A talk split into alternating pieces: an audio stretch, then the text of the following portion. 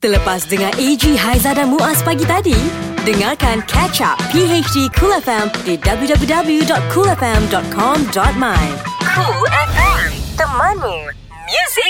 Assalamualaikum, selamat pagi. 6.01 kembali untuk terus menemani hari anda. Kita masuk hari Selasa hari ini 30 Oktober 2018 Jadi seperti biasa Bangun, bangun, bangun. Kami akan terus bersama dengan anda. Pastinya pagi hari Cool FM AG Haiza dan Muaz, gandingan baru PHD Cool FM. Selamat pagi sayangku. Selamat pagi. Kena jawab macam tu. Amboi sedapnya suara Hai selamat pagi semua. Assalamualaikum warahmatullahi wabarakatuh Sekarang dah 8.07 minit pagi di PHD Cool FM Alright, jadi untuk anda juga uh, kemeriahan untuk ASK 2018 ini anugerah skrin akan berlangsung pada 2 November It's ini. around the corner you know Yes, uh, jadi uh, sebanyak 12 drama bakal dinilai sebagai drama terbaik selain ada kategori baru juga diperkenalkan untuk anugerah skrin kali ini eh. Kategori baru eh Ha-ha. Okey Dan di kesempatan inilah kami menjemput uh, Bekas pelakon lelaki terbaik drama uh, Menerusi drama Sebelum Akhirat pada tahun 2010 Yes. Kita bersama dengan Hero Malaya Saudara Fauzi Nawawi Ya, Assalamualaikum. Waalaikumsalam Sihat bang Sihat Alhamdulillah. uh, Sejuk sikit lah pagi ni Sejuk sikit Uh, sejuk banyak Sejuk sebenarnya. banyak? Okey, okey, tak apa, tak apa, tak Dia apa. biasalah bilik orang-orang beriman ni Dia lebih sejuk Alhamdulillah. Bilik orang biasa Alhamdulillah ya. Alhamdulillah. Uh, bersama dengan seorang pelakon yang uh, memang tugasannya selalu uh, pelakon ya. Pukul Macam, orang, ha? bukan pukul orang Oh, lah. Tugasan dia tu sebab uh, lepas ni pun ada syuting juga. Ah, ah. Tapi uh, komitmen dia datang hari ni adalah untuk uh, nak kongsikan mengenai drama yang bakal uh, dicalonkan ya untuk drama terbaik iaitu Kolbu. Ah ni nak tanya Tok Yu lah. Tok Yu sendiri yang berlakon dalam cerita uh, drama Kolbu ni. Sinopsis ceritanya. Tadi sempat juga baca katanya semua mati. Ish ish Ah, ish. ah, cerita, kenapa cerita jadi macam kalbu tu ni sebenarnya dalam maksud dia kalbu ni deep lah. Uh, sesuatu yang di benak hati kan. Uh, watak saya sebagai toyu toyu ni kicap lah. Ah, Ah. kan? Suka makan Ah, kicap. Banduan seorang banduan. Oh. maknanya uh, melakukan kesilapan sebenarnya di dalam sel-sel penjara ni banduan-banduan ni bila dia orang dah dekat dalam tu baru datangnya kesedaran Mm-mm. Lalu biasalah bila dah buat silap baru rasa macam oh menyesal kan. Uh, daripada situ uh, cerita, cerita, uh, drama ini dia menceritakan kisah banduan-banduan ini uh, keinsafan dia. Mm-mm. Kemudian selepas keluar daripada penjara tu apa yang dia orang buat. Uh, jadi watak Toyu ini sebenarnya dia uh, di, di diletakkan sebagai pelakon pembantu. Alright. Di mana watak utama adalah Faizal Husin. ah.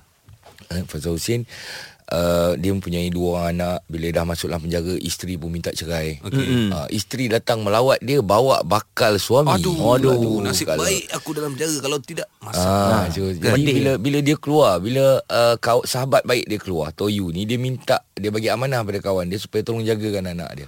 oh Nah, okey Jadi dia pun pikul amanah tu. Ah, ah, ah, ah. Kemudian bila dia keluar, yang Toyu ni pula sebenarnya uh, dia mempunyai musuh kat luar di mana dengan uh, alungnya, ceti Ah, haramnya semua.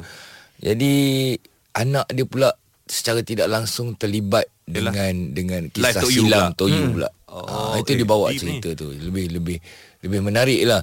Dan uh, ibu Toyu ni pula mempunyai penyakit di mana dia tak sempat keluar penjara. Lagi dua hari nak keluar, mm-hmm. mak dia mati. Oh. Aduh. Ah, dia cerita ni banyak yang ya, yang- sangat cerita berat lah boleh Cerita kita berat lah. sebagai Cerita ni kalau nak tengok dia kena ada towel ataupun tisu Betul sekotak kat emosi sebelah. dia luar, luar biasa lah. Ya, okey. Kejap lagi kita nak tanya Abang Fauzi Nawawi sendiri mengenai watak Tok Yu tu mm-hmm. yang sedikit sebanyak dah kongsikan bersama dengan kami. Tapi kita nak tahu macam mana Abang Fauzi menghayati watak tersebut. Betul. Kena study dulu ke, kena jumpa banduan dulu ke macam mana ke sebab watak ini perlu ada soul di dalamnya ya. Yes uh, Dan uh, kami kongsikan ini adalah Untuk kemeriahan ASK Yang bakal berlangsung pada 2 November ini Sekali lagi di PWTC Cool FM, temanmu, temanmu, muzikmu.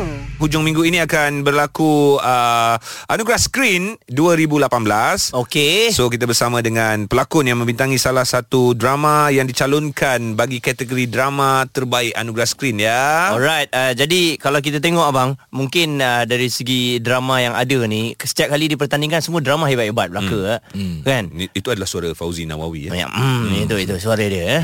Ha, ha, kan? Kita nak suruh dia bersilat. jadi uh, watak yang dibawa dalam uh, drama ni, adakah ini watak yang belum pernah abang dapat? Selalunya. Saya salah satunya lah Mm-mm. belum pernah saya dapat uh, kalau watak banduan tu dah biasa. Cuma kali ni Toyu ni watak Toyu ni dia uh, tak pandai lawan, lembik. Hmm. Oh.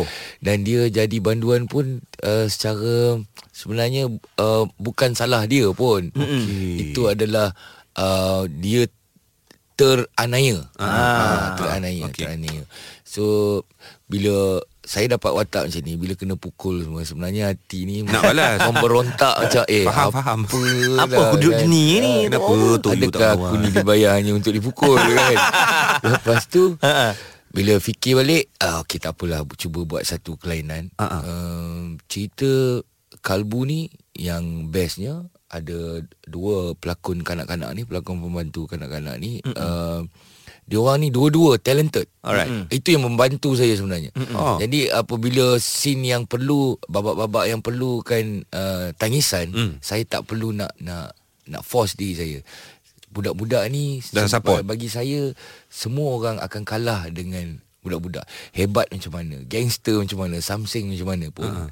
Kalau tengok budak-budak Mesti ada belas Perasaan. kasihan Sebab itulah Salah satu kekuatan cerita Kalbu ni Mhm. Dia tarik simpati penonton uh, Dengan uh, cerita budak-budak ni Mhm. Sebagai seorang pelakon yang dah berpengalaman kan uh, Abang Fauzi sebenarnya bila dapat memegang watak Tok Tok Yu Toyu Toyu Toyu Oh Ah, Toyu, Toyu ni dia kicap. Kicap lah Ah, kan? kicap. Watak kicap ni Watak kicap Watak Toyu ni kan uh, Dari segi penghayatan tu macam mana Selain budak-budak tu membantu Itu kalau scene-scene yang sedih Mm-mm. Tapi iyalah Kita sedia maklum Nak berlakon Kena study Ah, ah. Ah, Abang Fauzi study macam mana Untuk watak Toyu ni Saya watak Toyu ni simple. Saya study uh, seorang kalau banduan selalunya dia habiskan masa dia dekat sel penjara tu macam mana. Mm-hmm. Itu yang saya cuba create. Bila Toyu ni dia suka menyanyi. Oh. Ha, menyanyi pula dia kalau kadang dia menerap itu habis dia menerap dia akan melentang pula. Bila orang tanya kenapa yang menerap tadi side A. Dulu kan pakai kaset.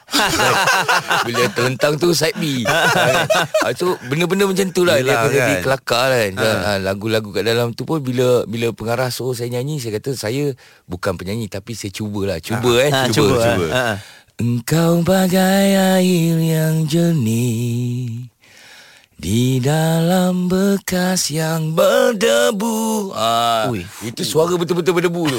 Eh, Okey okey Okey, bang. Ah, Okey So bila uh, watak Toyu ni saya colorkan dia dengan boleh menyanyi, uh, lawak uh-huh. and then kemudian dengan emosi dia, kemudian dengan garang dia walaupun tak pandai berlawan.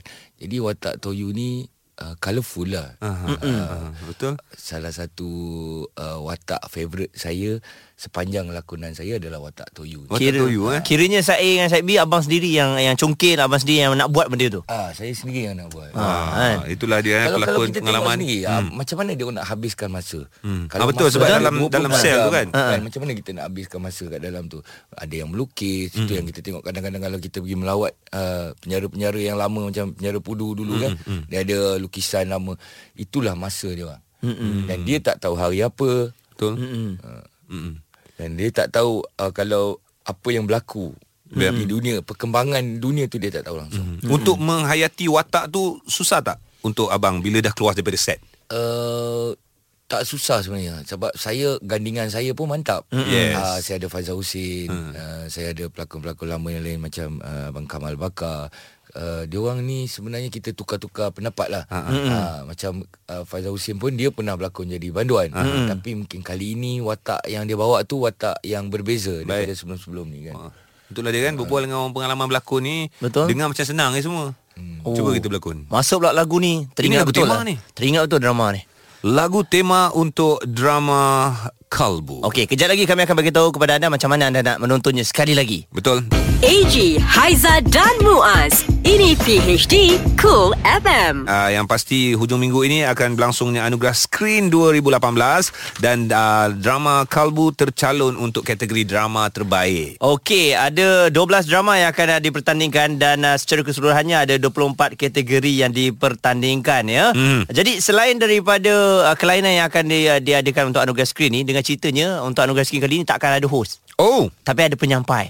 Ah. Ah, itu yang lainnya. Lain daripada yang lain eh. Ah, ah. Fauzi So, Nawawi pernah penyampai. jadi host. Tak, saya nak tanya apa beza host dengan penyampai? Ah. Pengacara dan penyampai Penyampai radio Kalau dulu radio Penyampai radio dikenali sebagai DJ Ah. Bila DJ tu Kita memainkan peranan Untuk memilih lagu Memasang lagu uh, Apa Selection of song tu semua DJ punya kerja Hmm. Ah, Maknanya besok nak on air lagu apa Dah standby 40 lagu tapi penyampai Tak payah nak standby-standby Kita datang Ah. Dah ada sistem Kita bercakap Ah. je. Itu beza Macam dia. tu juga lah nanti penyampai ni kot Dia dah ada skrip Dia baca je lah Ah, betul, betul. Satu je lah kot bang Ah. Kalau pengacara dia kena buat semua benda Dia nak kena buat gimmick apa semua hmm. Mungkin macam tu lah eh. Macam tu lah kan Saya budak baru belajar Saya pun ada pengalaman jadi DJ sebenarnya. Oh. Ha, DJ di supermarket dulu lah. Ya, ya? Ha, betul. Masa sebelum berlakon dulu lah Sebelum jadi pelakon. Ha ah. Okey. Apa yang membuatkan uh, Fauzi Nawawi nak jadi DJ masa tu? Mm-mm. Uh, masa tu masih menunggu uh, kerja yang saya minta mm-hmm. belum belum dapat lagi kan. Mm-hmm. Jadi daripada menganggur kat rumah lebih baik duduk dekat supermarket tu sejuk. tak suara, Ingat-ingat lagi? suara dia pun garau kan Ingat lagi tak dia punya Ha, apa ingat. skrip? Ha, ha. Ingat? Ingat. Boleh try. Untuk pemilik kenderaan WDH 3256 sila alihkan kenderaan anda. Terima kasih. Uh, lepas tu dah boleh cakap tu Uh sedap suara aku betul betul betul. Happy je Okey.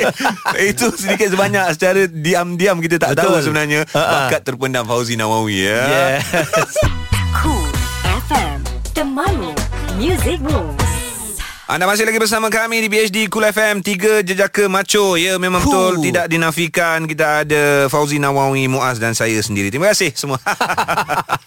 Eh, Kalau kita berlakon jadi cerita apa ni? Kalau kita tiga? Ah. Boleh jadi cerita kelakar ke cerita, cerita serius? Aku takut jadi Tris tujes Tapi Fauzi Nawawi ada tak kot? Kita akan jadi Dia ah, akan kontrol kita? Dia akan kontrol kita. Dia Ah, akan eh? guide Dia akan guide kita. Okey. Agak-agak kita boleh jadi uh, watak apa bang? Kalau tengok muka aku ni, muka ha, Muaz. kalau kita berlakon tiga dia akan jadi cerita Bujang Lapuk Alaf Baru.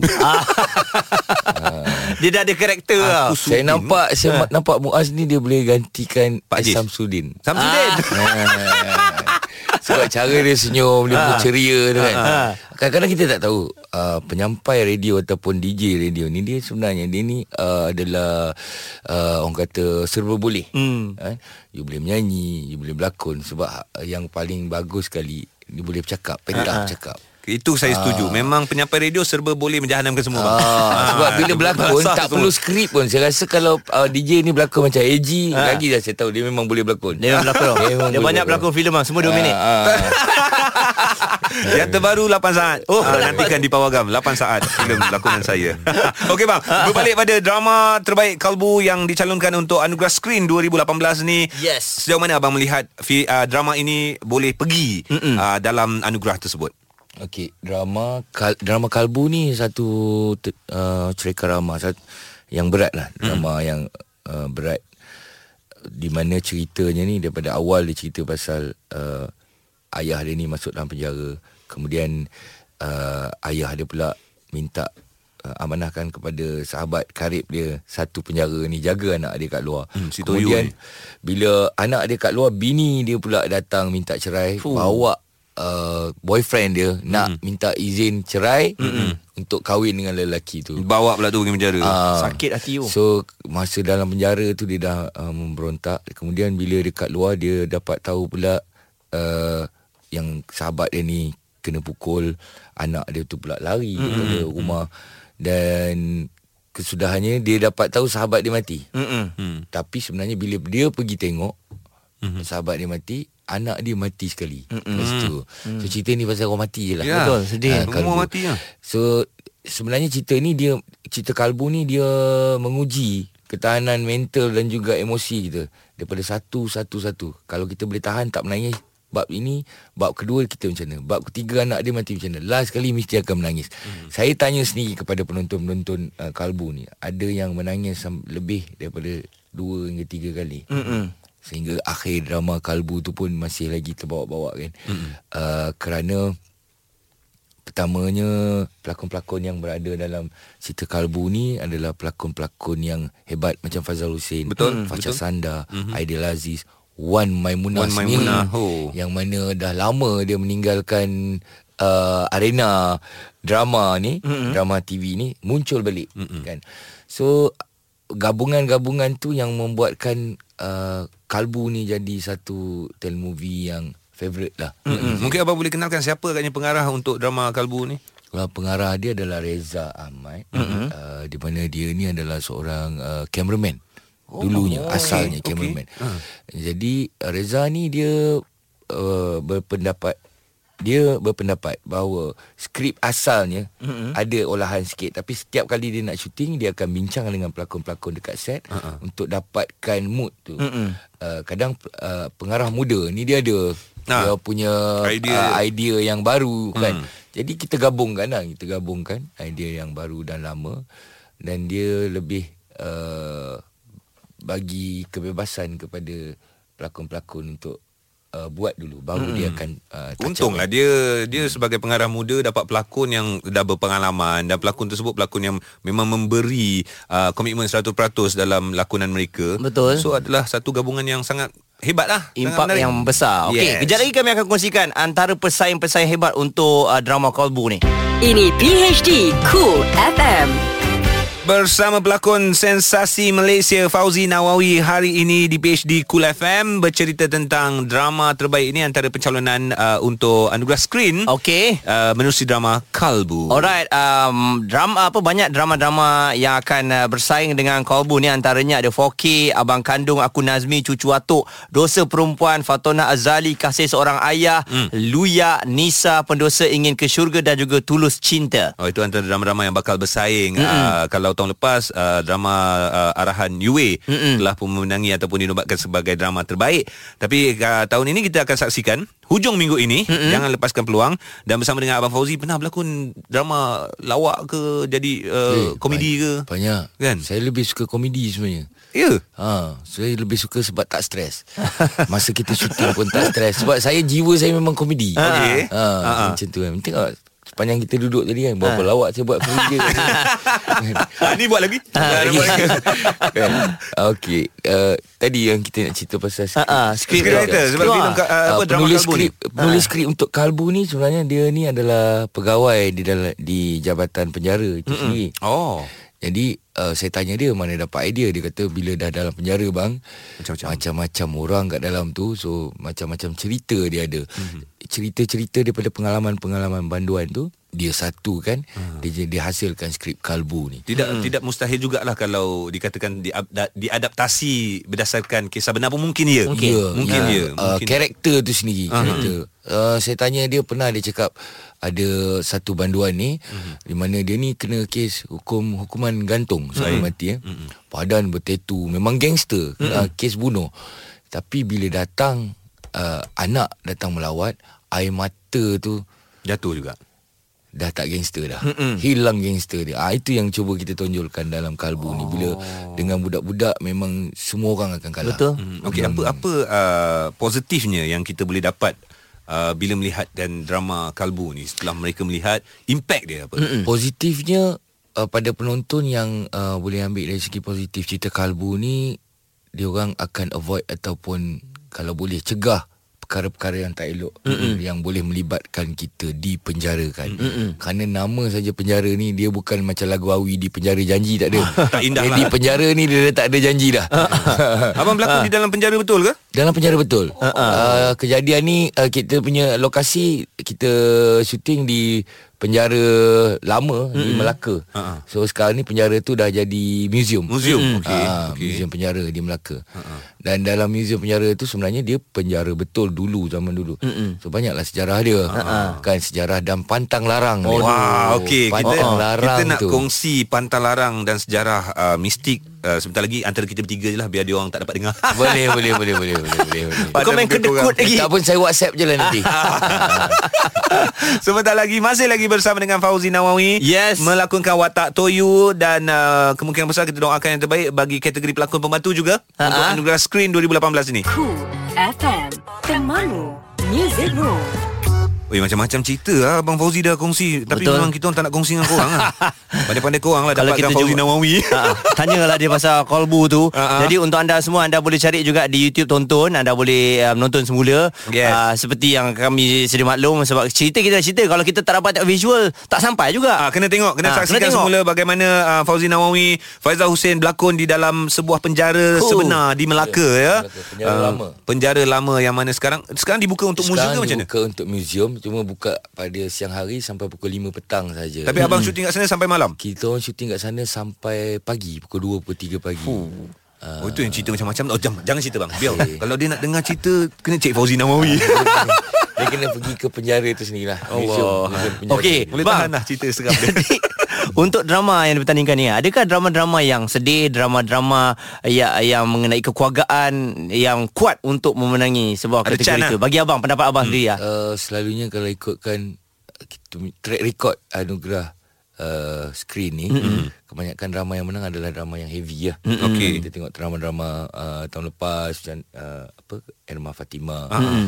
Uh, drama yang kekeluargaan ataupun komedi ni asalnya komedi dia akan masuk kategori lain. Hmm. Uh, kalau dia masuk kategori yang sama juga maknanya memang komedi lah drama tu. Betul. Oh. Ah. Eh seeloknya dibezakan lah. Dibezakan kategori Ah, tu. Faham faham hmm. Melainkan kalau ada kekuatan tersendiri kan hmm. Tapi kita saksikan sama-sama Semuanya bakal terjawab pada hari minggu ini Untuk Anugerah Screen 2018 uh, Di kesempatan ini mungkin Abang Fauzi Nak ucapkan jutaan terima kasih Kepada peminat-peminat Yang berada dulu Sampailah sekarang ni Menyokong Fauzi Nawawi Okay, saya ucapkan ribuan terima kasih kepada semua pendengar Cool FM. Uh, sekarang ini saya juga sedang menjalani penggambaran uh, untuk slot Lestari tiga-tiga. Baik. Di mana aku cinta dia uh, bersama dengan pelakon-pelakon hebat sekarang ni uh, macam uh, apa Hana Delisha, ah. Aiman Hakim, Pontianak. Katrina Rose, uh, Nadia Bryan semua. So akan datang ke TV3 dan teruskanlah menyokong industri filem tanah air dan janganlah pergi cetak rompakkan uh, filem kita sendiri pergi download uh, filem kita sendiri. Di mana baru ni ada kes eh Datuk Yusuf Aslam dah saman seorang netizen uh, yang keluarkan filem Betul. uh, munafik secara online. Oh, Munafik Dia tayangkan. munafik 2 Munafik Yang dua baru ni. Ah. oh, Wow. So itulah. Tahniah sama-sama lah, kita menyokong industri filem tanah air kita insyaAllah. InsyaAllah. Terima kasih banyak-banyak Fauzi Nawawi. Sekali lagi Jangan lepaskan peluang Untuk saksikan Anugerah Screen Yang akan berlangsung hari Jumaat Ini 2 November 2018 Alright, jadi untuk anda kita akan kembali selepas ini. Jangan ke mana-mana, right? Cool FM Ini PHD Cool FM bersama AG, Haiza dan Muaz. Anda boleh minta lagu lagi bersama dengan kami setiap hari Isnin sampai Jumaat pastinya di PHD Cool FM. Baik, uh, untuk anda semua kami letakkan dalam uh, jangka masa yang sangat pendek mm-hmm. untuk berita-berita yang sangat besar. 5 yang trending dalam PHD Cool FM hari ini. Jom kita mulakan dengan nombor 5. Tabung harapan ditutup 31 Disember ini telah pun dipersetujui oleh mesyuarat uh, mesyuarat jemaah menteri ya dan uh, selepas ini uh, selepas 7 bulan uh, ditubuhkan uh, katanya akan uh, ditutup jadi Jabatan Audit Negara akan mengaudit penyata terimaan dan bayaran akaun amanah tabung harapan bagi memastikan pengurusan tabung dibuat secara teratur dan berintegriti. Oh sebab tabung harapan ni baru diperkenalkan jugalah. Yes. Dalam masa tahun ni juga ah 7 bulan lah lebih 7 kurang. bulan. 4. Baik ini rentetan uh, uh, nahas yang berlaku uh, terhadap pesawat Lion Air. Australia mengeluarkan arahan menasihatkan pegawai dan kaki tangan kerajaan negara itu tidak menggunakan perkhidmatan Lion Air Mm-mm. susulan nahas yang membabitkan pesawat JT610 uh, pagi semalam ketika dalam penerbangan dari Jakarta ke Pangkal Pinang di Bangka Belitung. Uh, susulan nahas pesawat Lion Air, uh, pegawai kerajaan Australia dan kontraktor diarah tidak menaiki penerbangan syarikat itu. Keputusan akan dinilai semula apabila siasatan berhubung kemalangan itu sudah jelas. Itu menurut uh, laman web Jabatan Hal Ehwal Luar dan Perdagangan Australia. 3. Seterusnya, seorang pelajar Libya ya didakwa di Mahkamah Magistrate atas pertuduhan melakukan uh, bunuh dan menyebabkan kematian ke atas seorang pekerja Telekom Malaysia Berhad mm-hmm. uh, dan uh, tertuduh Ahmad Abdul Ali umurnya 24 tahun Oh. didakwa menyebabkan kematian Wan Amirah ya pada uh, 17 Oktober lalu. Ya. Jadi pelajar tahun akhir di sebuah universiti antarabangsa itu didakwa mengikut Seksyen 302 Kanun Keseksaan yang membawa hukuman mati oh. mandatory jika disampaikan kesalahan. Okey, biar pihak yang berwajib dan juga yang bertanggungjawab memutuskan keputusan seterusnya ya. 2. Masih lagi kesenambungan cerita mengenai pesawat yang terempas JT601 Alfiani Hidayatul Solikah adalah pramugari di dalam pesawat tersebut. Uh, antara yang terkorban daripada 185 penumpang yang ada di dalam pesawat itu dan posting terakhir Alfiani melalui Instagram yang viral dan menarik perhatian netizen dengan catatan pada gambar tersebut It's dark inside I want to save the light. Satu. Dan uh, ini juga menjadi uh, perbualan ramai ya apabila baru-baru ini Eliana mendedahkan kanser yang dihadapinya semakin parah dan sudah merebak ke tulang belakang. Mm-hmm. Jadi terbaru uh, Eliana juga memberitahu sudah putus asa melawan sakitnya kerana sedih dengan netizen yang mahukan dia mati. Ada ya. apa lah netizen ni aku tak faham tu lah. Dan difahamkan terdapat seorang pengguna Instagram yang menyu, uh, menyengolahkan, uh-huh. mensekolahkan lebih kurang macam tu lah Ah, eh. sekolah kat Eliana? Sekolah kat Eliana lah sebab uh, dia nasihat mengenai aurat ini. Jadi Ya. um, sebab yelah member tengah down. Mm-mm. Kenapa benda-benda macam tu harus dipersoalkan oleh netizen ni? Jadi Terlampau kecewa Elena memberitahu uh, Dia tidak akan memaafkan hmm. Individu tersebut Ambil. Dan menerusi Insta story-nya Elena mendedahkan beliau Mahu menghentikan segala rawatan Kerana ramai menginginkan menginginkannya mati Eliana jangan macam tu Be strong Kita tahu Eliana seorang wanita yang sangat kuat Betul. Dan uh, orang cakap tu Boleh dijadikan sebagai contoh Kerana dia tak tunjukkan pun Sangat-sangat dia sakit Dan yes. juga dia merana So Eliana teruskan berusaha Bertawakal Ha. pada Allah Dan kepada orang lain Ingat ya Kita sihat Tak semestinya kita tak mati Betul Kan. Semua insan di dunia ini akan mati. Kan. Ingat-ingatlah ya. Kita akan bersama lagi 5 yang trending esok Apa pula ceritanya Di Kul FM PHD Cool FM bersama AG, Haiza dan Muaz. PHD 3 2 1 Tiga gelagat dalam Dewan Peperiksaan. Hei. 3 Cikgu? Saya. Saya nak kertas cikgu. Nah Ah, Bukan yang ni cikgu. Habis tu? Yang dah ada jawapan. Aku nak satu. Photostat tolong. 2 Cikgu? Ya? Cikgu kenal Rosham no? Rosham no. Kenal itu Saya peminat tu. Ah, dalam soalan ni dia cakap Roshamno membawa 30 uh, ekor kambing. Ha, ha. 29 dah disembelih. Berapa Roshamno tinggal cikgu? Berapa 30 ekor kambing? Ha, ha. 29 yang disembelih? Ha, Yang hidup? Satu lah Saya minat dia Satu lah I minat Okey, baik. Terima kasih, cikgu. Terima kasih cikgu Jawapan ke tu Satu Cikgu cikgu Yes uh, Saya minta izin nak pergi bilik air boleh Ah, pergi cepat balik cepat eh. Okey cikgu Hoi hoi Nota tadi kau letak kat mana Bilik air lelaki. Alamak Eh, tu kan tu kan dia lelaki. Cool FM Temanmu Music Moves Lidah Pedas Bersama Sister Cool Halo, halo, halo. Assalamualaikum. Senyum-senyum semua mata-mata ujung bulan kan. Baru masuk gaji. Ah, tapi jangan senyum sangat. Jangan lupa bayar apa-apa yang patut. Bil api, bil rumah, bil telefon. Ha, bil air yang paling penting you all. Dan hari ni macam biasalah. Sister ku datang takkan nak datang semata-mata nak ingatkan bayar bil you all. Sister ku datang nak buat cerita lah pasal seorang pengacara ni yang dikatakan macam kek wak tak kena rupa. Kalau orang sebut nama dia pun macam belum tentu orang kenal. Kalau orang sebut nama Sifu dia barulah orang kenal. Barulah kena kalau nak kewat-kewat. Cerita yang sampai dekat telinga sister ni adalah pengacara tersebut katanya ada satu job lah dekat luar kawasan you all. Dekat kawasan-kawasan macam pendalaman sikit kot. Sister pun macam confuse-confuse gitu tapi cerita ni pasti sahih. Katanya bila nak pergi ke kawasan event tu kenalah naik event sekalian kru you all. Jimat minyak, jimat transportation. Tiba-tiba pengacara ni pun dengan ni berkata, "Eh, kenapa kena naik van? I nak naik kereta sebab van ni untuk kru je." Oh my god, kenapa dek? Kalau naik van kru sahaja, kalau naik kereta pengacara. Oh, macam tu rupanya. So esok kalau kubur kau ada tulislah pengacara dan kubur kau si ada spotlight lagi. Ha, hebat tak? Apa-apa pun sister cuma nak pesan lah. Janganlah nak bias-bias. Janganlah nak rasa terhina sangat naik van dengan kru tu. Kalau tak ada kru-kru yang shoot kau, tak ada kru-kru yang support daripada belakang-belakang tabir ni, kau ingat kau ada job ke dek? Ha, kau ingat sebagai seorang pengacara, engkau boleh hidup berdiri seorang je ke? Tidak eh. Engkau perlukan kru-kru produksi yang naik van tu untuk push kau ke depan. Ingat pesan sister ni. Apa-apa pun jangan nak mendongak langit sangat. Sebab kau pun nama bukan popular sangat. Bukan dapat anugerah pengacara nombor satu Asia pun. Dapat job TV show pun yang sendu-sendu. Yang belum tentu orang tengok. Okeylah, bye.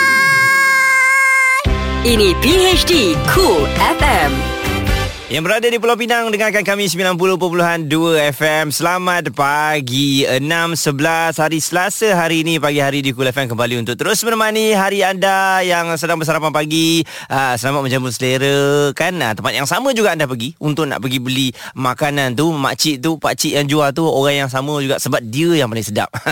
Jadi uh, tahniah kepada makcik dan pakcik kita dan juga anda yang sentiasa memberi apa sokongan kepada peniaga-peniaga kita kan. Apa-apa pun untuk anda pagi-pagi ini saya nak kongsikan antara cerita yang uh, diperkatakan adalah mengenai uh, Lewis Hamilton yang dinobatkan juara dunia Formula 1 2018 dan ini merupakan kejuaraan dunia kelima bagi pemandu uh, Mercedes AMG Petronas tu dan uh, Hamilton disahkan selaku juara dunia 2018 di Grand Prix Mexico perlumbaan ketiga terakhir musim ini. Jadi untuk anda yang memang minat dengan uh, Lewis Hamilton, minat dengan Formula 1 uh, mesti tahu kan bagaimana uh, kehebatan uh, pelumba ini. Tapi kalau yang tak minat, uh, ceritalah pasal Formula 1 pun, diorang akan buat de je ya. Uh, selalu orang kata orang yang minat Formula 1 ni orang kaya. Tapi tak juga. Semua orang yang minat dengan kereta akan minat dengan Formula 1 ni. Kalau tak percaya, anda kena pergi tengok sendirilah perlumbaan dia. Dia punya enjin, dia punya bunyi tu. Huh, itu orang kata yang akan memberikan uh, keterujaan kepada anda. Alright? Cool FM Temanmu Music Room Selamat pagi untuk anda yang berada di Sarawak. Ya, dengarkan kami 104.3 FM. Uh, pastinya pagi hari di Cool FM. 6.20 dah terang kat sana cahaya yang menyinari anda untuk anda uh, bersemangat pagi ni. Sebab nak pergi kerja pun bila kena panas-panas sikit. Uh, bila nampak uh, cahaya sikit barulah bersemangat. Jadi pagi-pagi ni juga mungkin ada di antara anda yang bangun pagi je dia punya motivasi dia tak berapa nak cantik sangat. Mungkin malam tadi tak dapat tidur yang cukup ataupun uh, sebelum nak tidur malam tadi ada dapat berita-berita menyedihkan ataupun uh, dapat WhatsApp yang uh, mengejutkan ya. Uh, bos dah ingatkan siapkan kerja itu pun kadang-kadang down juga. Tapi apa-apa pun untuk anda. Pagi-pagi ni antara perkara yang boleh membuatkan anda bangun pagi ni kan rasa macam positif, motivasi. Uh, antaranya mungkin anda boleh dengarkan lagu-lagu yang memberikan motivasi kepada anda. Ah uh, contohnya lagu-lagu kat Cool FM ni lah. Kan? Uh, jadi uh, bila dengar lagu yang memberikan motivasi ni anda pun akan bersemangat dan uh, juga mungkin anda boleh baca uh, motivasi motivasi punya quotes-quotes pagi-pagi ni kan? Ah, benda-benda yang menaikkan semangat anda. Dan yang ketiga yang paling penting anda kena jauhkan uh, diri anda daripada orang yang bersifat negatif ni. Ha yang negatif jauh-jauhkan lah sebab anda tahulah kan kalau negatif ni datang kat orang je semua benda semua tak betul. Semua benda nak downkan orang je. Dan anda juga boleh tidur uh, betul-betul sampai anda recharge. Ha ini tidur yang cukup juga sebenarnya mainkan peranan yang cukup penting untuk memberikan anda semangat pagi-pagi ni. Dan akhir Baik sekali anda boleh berdoa diberikan kekuatan agar hari ini adalah hari yang terbaik untuk anda. Okey, segala-galanya berjalan dengan lancar. Pergi ke pejabat, bos suka, ada buat presentation akan diterima kan? Ataupun ada yang nak minta kerja baru akan berjaya. Ada adik kita juga belajar hari ini uh, buat dengan study group kawan-kawan tu nak SPM pun akan masuk. Ah uh, semuanya untuk anda. Okey. Jadi jangan ke mana-mana kita akan kembali selepas ini terus kekal bersama dengan kami pagi hari di Cool FM, temanmu, muzikmu. Ini PHD Cool FM bersama AG, Haiza dan Muaz. Baik, uh, untuk anda semua yang baru saja bersama dengan kami, selamat pagi dan uh, seperti yang semua sedia maklum ya, antara uh, berita yang trending yang uh, diperkatakan uh, bukan saja di uh, Nusantara kita ni, Ya. tapi di seluruh dunia mengenai uh, pesawat uh, di uh, Jakarta Indonesia ya, Ya. iaitu penerbangan Lion Air JT610 yang uh, dikabarkan uh, terhempas ya, Ya. selepas uh, mereka terputus hubungan lebih kurang dalam 13 minit uh, dari Selepas- lapangan terbang uh, Jakarta tu. Okey, sekarang ini pesawat Lion Air itu yang uh, membawa 189 penumpang itu uh, dilaporkan sah terhempas dan uh, penerbangan uh, ini antara petikannya penerbangan pesawat Boeing 737 Max 8 milik Lion Air terputus hubungan sejurus berlepas pada jam 6.20 minit pagi dan disahkan uh, terhempas. Menurut Agensi Pencarian dan Penyelamat Nasional Indonesia, penerbangan yang membawa seramai 189 penumpang terhempas pada jam 7.30 minit pagi waktu tempatan yang mana uh, uh, di pangkal Pinan Pulau Bangka Indonesia. Mm-mm. Okey dan pesawat jenis uh, JT610 itu berlepas dari lapangan terbang Jakarta 6.20 minit pagi dan terputus hubungan pada jam 6.33 minit pagi waktu tempatan. Uh, aku tu sempat tengok uh, antara video radar. Mm-mm. Yang mana ketika penerbangan berlepas nampak lagi uh, radar kapal terbang tu. Tapi uh, yalah selepas 13 minit radar tiba-tiba hilang. Hilang, eh? hilang terus. Dia punya dia punya uh, gambar raja kapal terbang tu pun hilang. Betul. Uh, dan sekarang ni siasatan masih lagi uh, dilakukan. Mm-hmm. uh, punca-punca naas pesawat tersebut masih lagi disiasat. Uh, tetapi uh, barangan seprehan Ya, uh, sudah kapal ditemui. terbang tu telah pun uh, ditemui. Mm-hmm. uh, dan sekarang ni uh, beberapa jumlah mayat juga telah pun uh, ditemui. Oh dah ditemui eh dah ditemui oh. uh, jadi uh, ada beberapa gambar juga telah pun dia dikongsikan lah mm-hmm. uh, jadi uh, masih lagi terus mencari dan mencari Ya. uh, puncanya Okey, uh, kita juga dapat feedback daripada uh, rakan-rakan di social media mm-hmm. yang prihatin kan sebenarnya katanya kalau boleh tidak perlu dikongsi gambar-gambar uh, jenazah ataupun mayat-mayat mangsa-mangsa uh, pesawat uh, terhempas yang berlaku semalam kerana kita uh, apa sensitiviti Mm-mm. kaum keluarga. Mungkin kita tak tahu kadang-kadang ada ada kaum keluarga yang berdekatan juga followers kita dan juga sebagainya. Jadi itu kita kena ambil berat dan juga prihatin ya. Betul dan semalam juga ada satu video yang viral dikabarkan uh, video tersebut diambil dalam kapal terbang uh, tersebut Oh. uh, dan uh, video tu telah pun viral beberapa minit dan selepas itu uh, rupa-rupanya video tu adalah video lama. Ah, nampak. Uh, tidak sahih jadi uh, kita kita harapkanlah eh Ya. kalau dapat tu janganlah kongsi dulu Yelah, kan. perkara-perkara macam ni bukan uh, populariti yang kita utamakan, bukan uh, glamour yang kita utamakan. Siapa yang post dulu dia lebih hebat dan juga sebagainya. Tak, ini ini dah menjadi satu tragedi. Mm-mm. So seperti yang kami katakan tadi, semoga kita lebih prihatin dan lebih sensitif lah dengan apa yang berlaku. Okey. Cool FM Temanmu, Temanmu. Musicmu PHD Cool FM mengucapkan salam takziah kepada semua penumpang-penumpang dan juga anak kapal yang berada di dalam pesawat Lion Air yang dilaporkan terhempas semalam. Okey, jadi uh, berita terkini Badan Nasional Pencarian dan Pertolongan Indo- Indonesia tidak akan menghentikan operasi mencari dan menyelamat uh, naas pesawat Lion Air ni dan uh, dikatakan uh, ianya akan menggunakan kaedah penyelam uh, dan akan diteruskan untuk 24 jam mm-hmm. dan uh, dikabarkan juga uh, kedudukan uh, pesawat itu masih lagi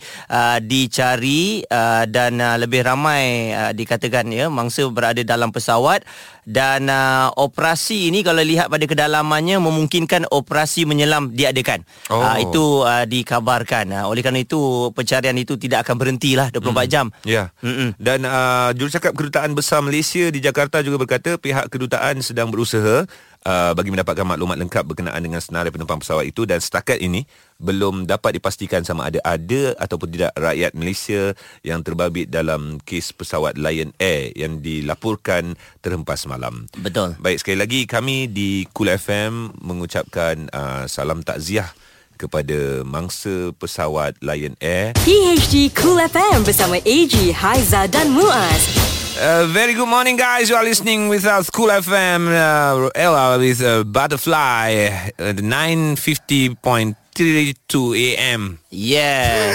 That's good, man. Thank you, thank you. What's up? Cool FM. Dah. Takkan tu je. Habis takut banyak lagi salah. okey okey. Sebenarnya kami nak kongsikan dengan anda. Okay. Ini antara uh, cerita mengenai Real Madrid yang telah pun okay, memecat okay. Bakal pengendalinya. Salah, bakal salah. Okey, apa nama pengendali dia? Pengendali dia Julian uh, Julian Lapetugui. Sebab dia pun dah kena pecat kan. Ah, ejaan dia macam mana? Lapar turgui tu. Uh, L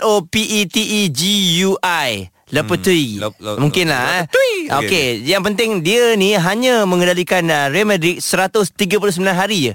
Oh, ya ke? Ah, dah kena pecat dah. Tapi itulah dia ambil tempat Zinedine Zidane yang membawa rekod yang sangat cantik Champions League berapa Betul. tahun apa liga liga uh, Siri, eh, bukan Serie A La Liga berapa tahun Yes. kan? Jadi sekarang ni tugas dia dia ambil oleh jurulatih pasukan uh, B Real iaitu Santiago Solari Oh. uh, diberi tugas sementara Santiago lah. eh. Solari Ha ah.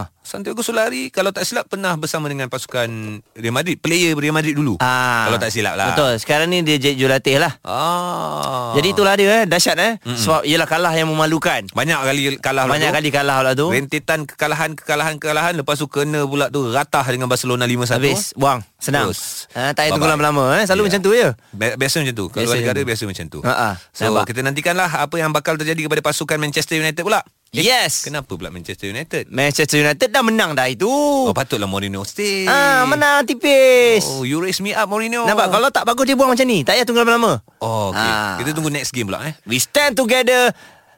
Yeah.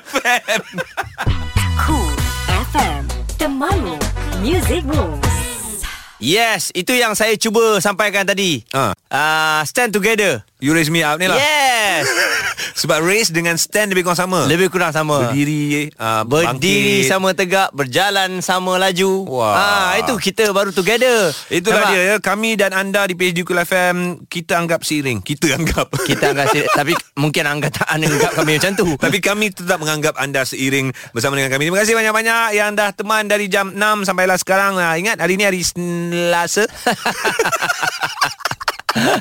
Selasa Ha-ha. 30 Oktober 2018 Selepas ini Ria akan teman anda macam biasalah Macam-macam info yang akan dikongsikan untuk anda semua mm-hmm. Jadi uh, sekali lagi jangan lupa ke Instagram kami Kuala FMY Ya. Kita ada kongsi video dengan uh, Abang Fauzi Nawawi tadi Betul. Dan juga sedia kami akan soal siasat dia Dia ada kena benda yang dia buat Memang betul Dan yang pasti Kalau anda nak lagu Contohlah Contohlah eh. Ha, Contoh, contoh. nak lagu Katakanlah nak lagu Katakanlah Bukan. Katakan bo- Boleh juga Ha. Lagu ni Sangka redup me.